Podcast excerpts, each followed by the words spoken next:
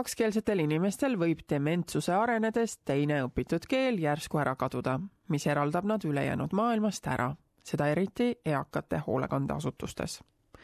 nüüd otsivad osad eakate hoolekandeasutused väljaspoolt Austraaliat endale kakskeelseid töötajaid, et kasvava nõudlusega sammu pidada. Teikä tria, teikä Tessola, teikä Penne!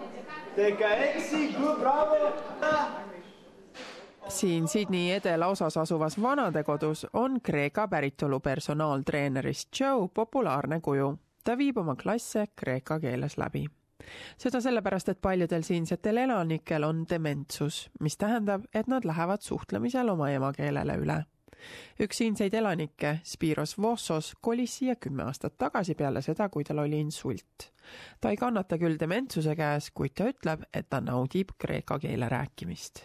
The good thing is that most of the staff are Greeks and Greeks have a respect for all age. It's not just a nursing home, it's just a family here. We are all a family. Staff and residents, everybody are like a family kuid selle hoolekandeasutuse jaoks on kreekakeelse personali leidmine suur väljakutse. Mary Gibbs on K St Basili nimelise asutuse direktor. We did try to recruit um, Greek speaking staff. We specifically advertised for Greek speaking staff.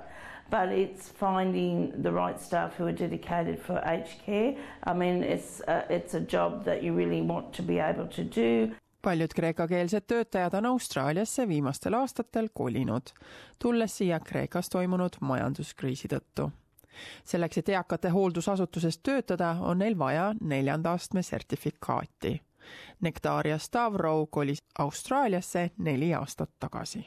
I like my job, I love it because uh, it gives me the opportunity to offer and uh, this is very important for me I believe uh, that when you offer, you receive back.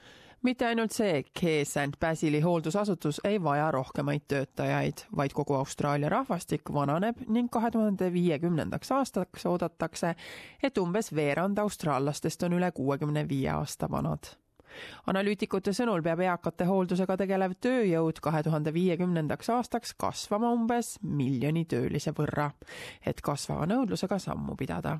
St Basil peab praegu föderaalvalitsusega töölepingualaseid läbirääkimisi selleks, et nad saaksid Kreekast rohkem eakate hooldajaid sisse tuua.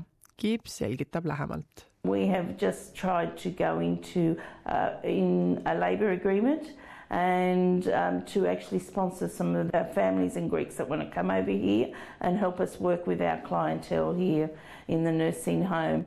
St Basil ei ole esimene selline organisatsioon. kahe tuhande kolmeteistkümnendal aastal anti Melbourne'is asuvale eakate hooldekodule neli viis seitse viisaprogrammi erand lastes neil töölevõtulepingu alusel kreeka keelt rääkivaid eakate hoolduse töölisi sisse tuua. õendusega tegelevad organisatsioonid toetavad selliste asjade käiku. kuid Austraalia meditsiiniõdede ning ämmaemandate föderatsiooni föderaalne sekretär Lee Thomas ütleb, et föderatsioon ei toeta selliseid juhtumeid, mis pole seotud võõrkeelega we could see that there was an absolute need for those people to have uh, Greek speaking um, healthcare workers. As I said, that was back in 2013. Um, we have been approached on numbers of occasions since, uh, and we have not agreed because, in many cases, we have not been satisfied that the employer has really actively searched the market for nurses to work in a variety of settings. Vanurite hooldustöötajad ei kuulu riikliku ajutise kvalifitseeritud tööjõu rändeskeemi alla, kuid valitsus on teinud erandi, kui tegemist on spetsiifiliste keelepõhiste teenustega.